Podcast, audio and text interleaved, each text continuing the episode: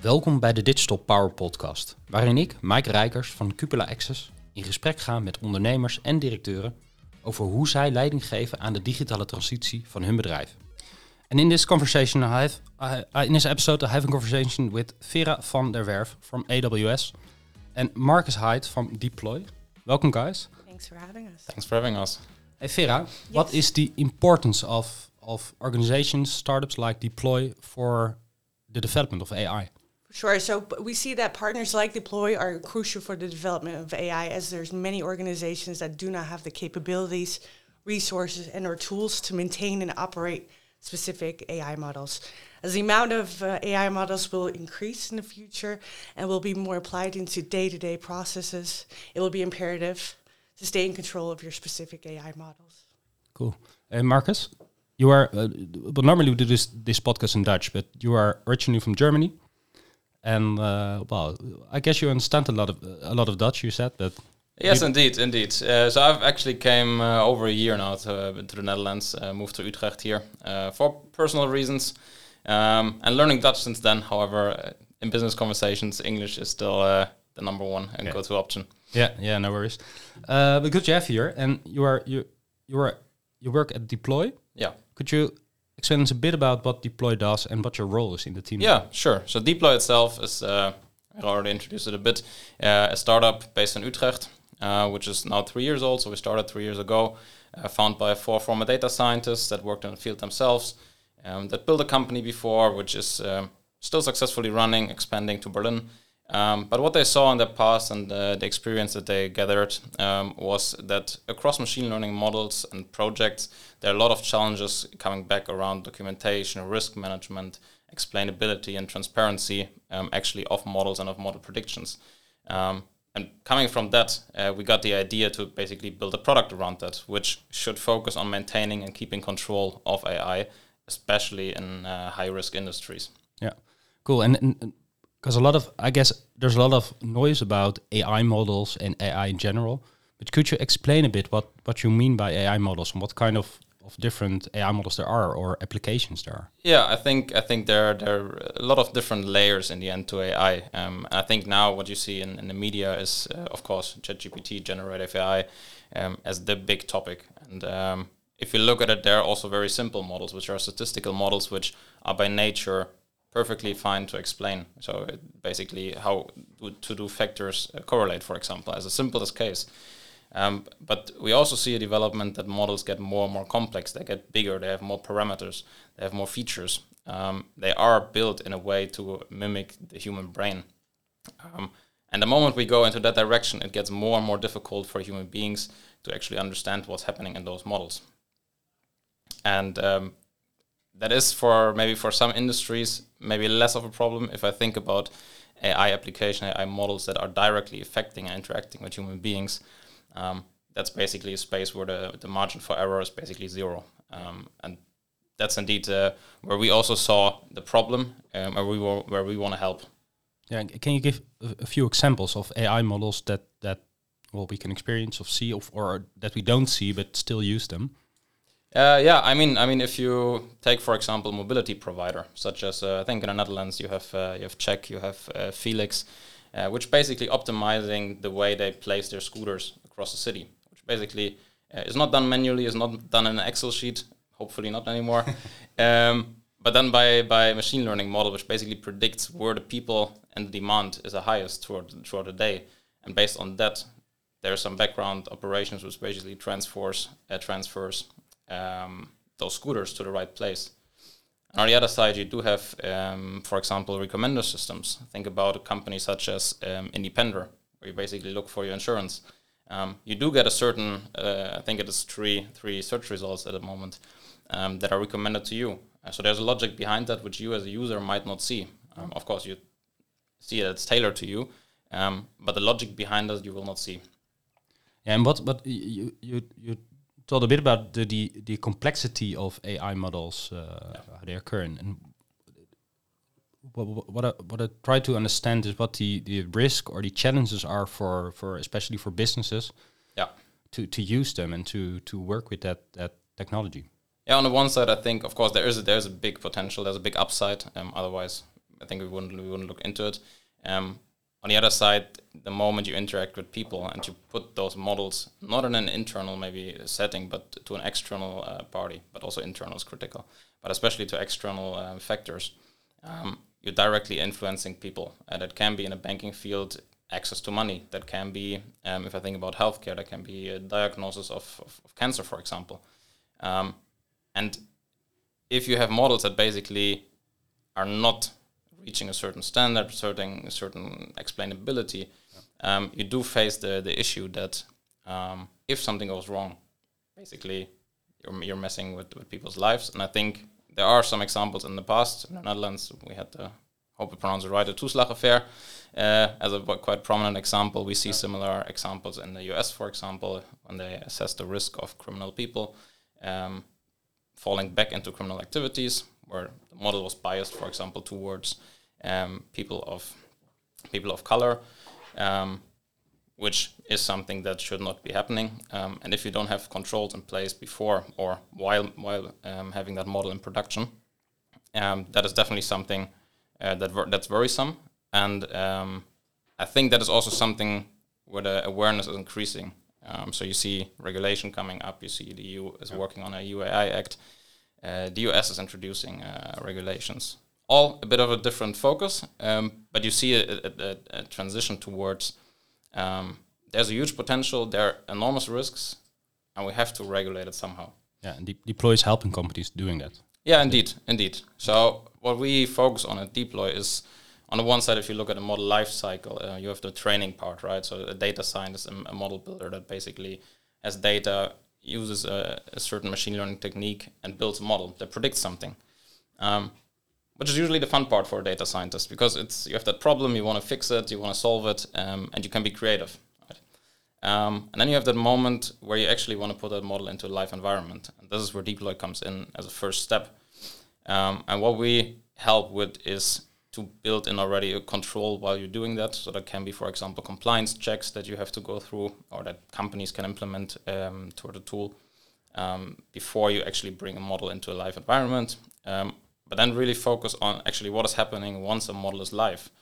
Um, and that can be on the one side, it can be more, more monitoring, uh, which, as you can imagine, is more like of a traditional KPI monitoring. Mm-hmm. Um, but also, and that's where explainability comes is uh, comes in, where we help building that bridge between machine learning output and actually end user. Because in most cases, um, the end user is not the most technical person, um, and it's also the challenge, of course, to make the model explain easily explainable, understandable to that person that they can evaluate. Is this a proper? Um, is this a proper prediction? Yeah. But Do I, guess, I know? I guess not only the, the, the end user is not understanding it uh, completely, but also your client is not always understanding all, the whole complexity of an AI model. Indeed, indeed, and uh, totally right. And of course, also on customer side, you do have multiple stakeholders that you keep in mind. So yes, you have an end customer, you have a machine learning engineer or a data scientist who built the model, who of course needs to understand how it's performing in a real life environment and can use explainability to basically improve the model.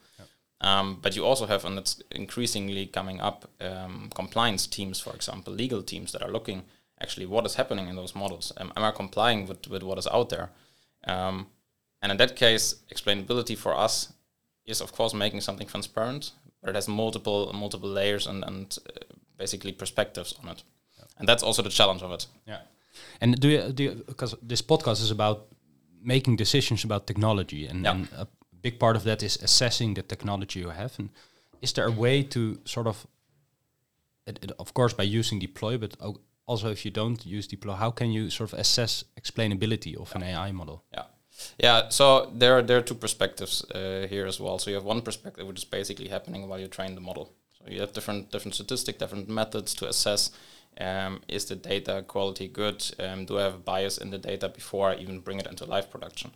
Um, plus, there are certain certain directions that being developed, for example, which go more or come more from a compliance perspective, which are like model cards, where it is described what is the model actually doing? What's the input data? What, what's the output going to look like?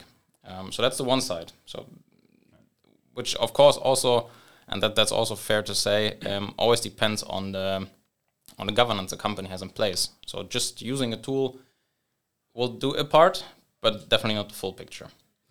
Um, and then once you use that model into production, um, you do have tools which help you, and, and Deeploy is one of those to really assess um, is it still doing what it should. Uh, so there can be, for example, that we're measuring uh, accuracy. So what does your model predict, and what is actually the outcome, and how do they match? And if we see that over time dropping, um, you can link that to, to alerts um, that basically indicate you, okay, there's something happening. I might have to look into it, and I keep control over it. Um, and usually for mo- for one model, um, that's not a problem. If you think about having 5, 10, 500, it gets a bit uh, difficult to keep an overview. Yeah. And is there also because I had another uh, session today, and then the, the the sort of insight that there was was like if humans do the job, they also make mistakes. So it that there is a little bit of a, a failure margin. It's not that that horrible, but you have to sort of be aware about it. Yeah, yeah. So what we what we focus on is um, mostly high risk use cases. So that is in the, in the financial field, but also in the healthcare field. Yep. Um, and usually use cases where you do have a human in the end um, making a decision. So basically, the AI is in that case supportive, and predicts something, but you still have someone who, based on the explanation, can check it and can assess does that make sense. But a human still makes the last decision, um, in theory. Um, in the long run, we have to see if if um, the tendency is to really check what's what's happening in the model and to assess uh, those evaluations, or if it's just like okay, yeah, should be fine, uh, let's move on. Um, and that, of course, can be a tricky uh, tricky part um, where governance as a company gets more important than where you have to set up rules. Actually, how I ca- how often do I assess the quality of my model? Yeah, and is that that sort of company specific, or do you have like standard guidelines to help uh, your clients? Um, yeah, so as I said, so in, in general, we, we focus on, on, on those very regulated markets and industries. Um, nevertheless, the guidelines are applicable to basically every industry. Um, but as I mentioned before, you will have use cases where the effect, if something is a bit off, might be less. Um, maybe for the company in terms of financial uh, potential that you're losing out, um, but an effect on the end customer, maybe not so critical. Um, but in the end, explainability, for example, um, and monitoring, let's take monitoring as a simple example, um, is basically relevant for every AI model yeah. and that is out there. Um, yeah, I heard an example about the city of Amsterdam, and they mm-hmm. use a lot of AI models to to do their services to the citizens. And one of the things is, is, is parking tickets. Mm-hmm. But if you if if they check uh, uh, cars that are parked, yeah. if it's okay, they it just run completely by AI. Yeah. But if there is a negative outcome for citizens, so you get a ticket yeah. or a fine because you're, you're you didn't pay uh, for your parking spot. Yeah. Then there's always a human in between to check it. Do do you work with those kinds of of yeah, it's it's, it's a it's it's a different uh, it's the same logic indeed. Um, so we believe in in, in the, we call it human in the loop. So basically that you have someone in the end looking at a prediction and basically assessing um, if that's right or wrong. And then the challenge is how do I explain it the easiest and most efficient way to that person that it doesn't take longer to to evaluate that case. Um, so in that case, yes, um, we believe in that. And plus, what we do in Deeploy is that you have integrated feedback loops. So basically, let's say you you work for the city hall, you assess um, parking tickets, and you see, okay, there's something wrong, uh, which basically you can overrule. On the one side, you can say, okay, I'm not going to find that person, um, but you can give feedback directly in the tool. So basically saying, okay, guys, maybe I don't know parameter x, y, uh, z should not be in there. Um, think about it next time which then can be used to in, improve the model uh, quality in itself. Yeah. And you, you, one of your clients is bunq Bank. Yeah. Can you explain, uh, tell a bit, a little bit about what you're doing with them? Yeah, yeah. So uh, Bank, bunq Bank. Yeah, it's uh, for me still a very difficult brand name in itself. Um, what they basically do is uh, they operate in a very highly regulated market, which is the banking uh, sector. They're banking license, um, and what they do is they have per day millions of transactions. So basically, transaction from A to B um, and in the past, there was already a rule-based system um, that is forced on by government uh, by the yeah, regulations. Uh, so you do have to put effort in anti-money laundering and those kind of things. Um, however, money launderer and fraudster get more uh, advanced. They also get creative. They have also new tools. Uh, so basically, in all those transactions, you look for patterns, uh, which at some point you can't do on a manual uh, on a human basis anymore. So that's where they saw the potential in AI. Um, however, what a tricky part is, the moment you flag a transaction um, as fraudulent, um, what you want to increase, of course, is the, the amount of flags that are actually rightful, um, while at the same time reducing the amount of false flags, where you basically block your account, for example, um, without you doing anything wrong, which you don't want. Um, so for them, on the one side, they have they had the model, which basically was predicting those flags. Um, and the challenge was really how do I monitor my model in terms of uh, performance, but how do I explain the prediction itself, the flag uh, that goes up to my, um, I think they call them compliance officers. Um, how do I explain that best to those persons that they can actually efficiently work with that? I have a question, Markus. Yeah, So sure. How, how, uh, which cu- end customer stakeholders uh, are needed to successfully adopt and implement the different AI models? It's a good question. It's a good question. It's a lot. Uh, there's a lot of different stakeholders. On one side, of course, you have you have the teams that are building actually the model. Um, those are depending on a data team, so you do need data quality. Um, then you have the, the team that actually builds the model, but now you do get more and more perspectives, other perspectives in there as well, which is legal, which is compliance, uh, because they see, okay, we do have to comply to those things. Um, did you think about that? Hopefully they did. Uh, then everyone is good. Um, on the other side, top management support. Uh, I've seen uh, I've seen projects failing where basically um, the ambition was there, uh, the people were there, but there was no patience, um, and understanding was not fully there, and it basically led to bad results, projects failing. Um, so in the end, it's it's a mix, and I think that the new part that will come as well at a certain point is the regular the regulator that will act as a stakeholder, um, and I think the EU is working on their classifications of what is high risk and what not. Um, and based on that, I think there will be a lot of change uh, over the next two years as well. And uh, we hope that we can be at least a help to, to companies that face that struggle then. And, and a lot of uh, well, we talked a bit about about really big companies how they can use Deeploy to, Yeah. well, like your promise, eh, to to deploy AI models Yeah. with confidence. If I, I, I, Yeah. I have it right. Um, but do you also have solutions for small businesses? Yeah, indeed, indeed. So I mean, in, ge- in general, um, the product can be used. Doesn't matter depending on the size of the company. So that's scalable in both ways. Um, what of course needs to be there in a small team is a, is a data science team itself, because otherwise you, you can't use the tool. Um, and then it comes down to kind of in which stage of the company you are, and then it's more of a quite a pricing question. Um, we also do have, let's say, a, startup program where we basically help startups take that first step into machine learning, into AI and then in the end you get the same functions but of course depending on what you need maybe enterprises need a bit more support a bit more um, customer support in that case which of course then is a different case than uh, Yeah. for startups And, and if you're a small business owner and you sort of, well, setting up your first kind of data science team, collecting some data, structuring it, what do you recommend to sort of make as a next step? if you basically already have your team you have your data Yeah. so it, it, what we always see is of course that, that startups have, have one big advantage that they start from scratch uh, so basically you can think about so ideally you have machine learning as one of your core pillars um, already planned in Uh, so basically you start building a data platform you start uh, focusing on data quality early on um, and then build on that and then basically the biggest challenge is to get the first model into production and the second and afterwards it gets easier that's uh, kind of i would say start with an easy use case not the most complicated one Yeah. which of course is a bit of an ego uh, question as well but um, start easy and build from there Yeah. Okay, that's a good uh, uh, recommendation to start with with AI models. Um, well, what what? Well, I, I guess you are quite in the front line of AI development with all the clients you work with and the tool you have. Uh, but what do you see as like the next big steps in this field of, of, of expertise?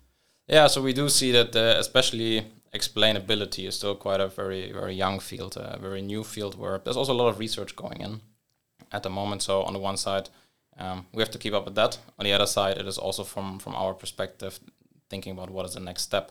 And what we see that a lot of explanations are rather, let's say, statical. So you get a, a visual, maybe you get an explanation, maybe with some written form, you can design that. Um, but it's basically you get that output. You can maybe feedback. That's already one step further but it's not how humans explain something. So if, if we explain something just as we do in the podcast, we ask questions, Yeah. we get answers, we ask another question to get to the to actually the explanation that we need. Um, and so what we build now is basically what we call a conversational explainable AI, which you can imagine as kind of a chatbot, Yeah. basically working more towards um, how do I get to a certain explanation via my questions. And everyone starts probably different. Vera might have a different uh, first question than you would have that, uh, and I maybe have a different question as well. Um, but the question is, how do you keep that flexibility uh, for humans to find their way to that explanation? Yeah, that that, that that's going to be quite a challenge because you sort of have the field of explainability that's Yeah. really young and faces some challenges uh, actually today, and the field of AI models getting more complex and more developed and uh, more conversational. Yeah, in, indeed, indeed. Um, so it is kind of, and that's that's why for us, of course, the focus also lays on those industries at the moment that are highly regulated, because there we see that there's an awareness for topics like that. Um, there's a need for topics like that, and people know that okay, we have to do something there, um, and they're willing to do that.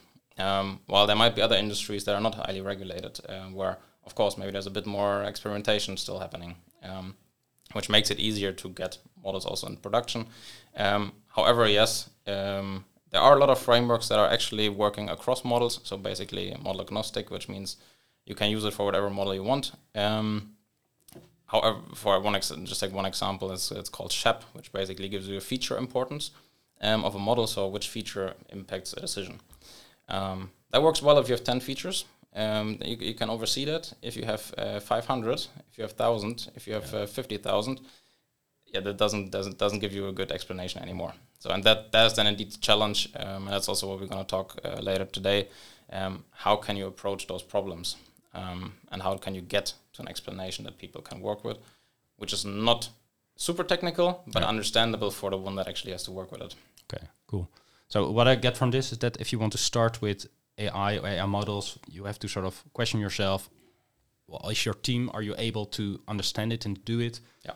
Are you allowed to do it? So all the legal uh, terms come in there. Uh, and do you want it? That's I guess the ethical question: Is it responsible? Do you really understand what's happening? Um, and I guess Deeploy is sort of helping companies to do that. We do, we do, yeah. Uh, we hope we do. Cool. Uh, so what we don't help with in the end, indeed, is like training the model himself. Um, so that is usually part of the company. Um, so let's take take bank or bank Q as an example. They train their model, um, and that's their part, their uh, IP and property. Um, and we're just a tool helping them basically achieving the responsible usage in the end. Cool. Well, I think it is. It's a. It's quite exciting what's going to happen in this world, and it's good that there are people thinking about the consequences of it as well. Uh, thanks a lot, Markus, for the conversation, and Vera. Thank you, Thanks for having us. and have a nice day. Bye bye. Bye. Bedankt voor het luisteren naar de Digital Power Podcast. De Smart Business Series zijn opgenomen in de koepel in Haarlem en powered bij Amazon Web Services, Cloud Nation en Luminous. Je leest meer op cupulaaccess.nl slash digitalpower.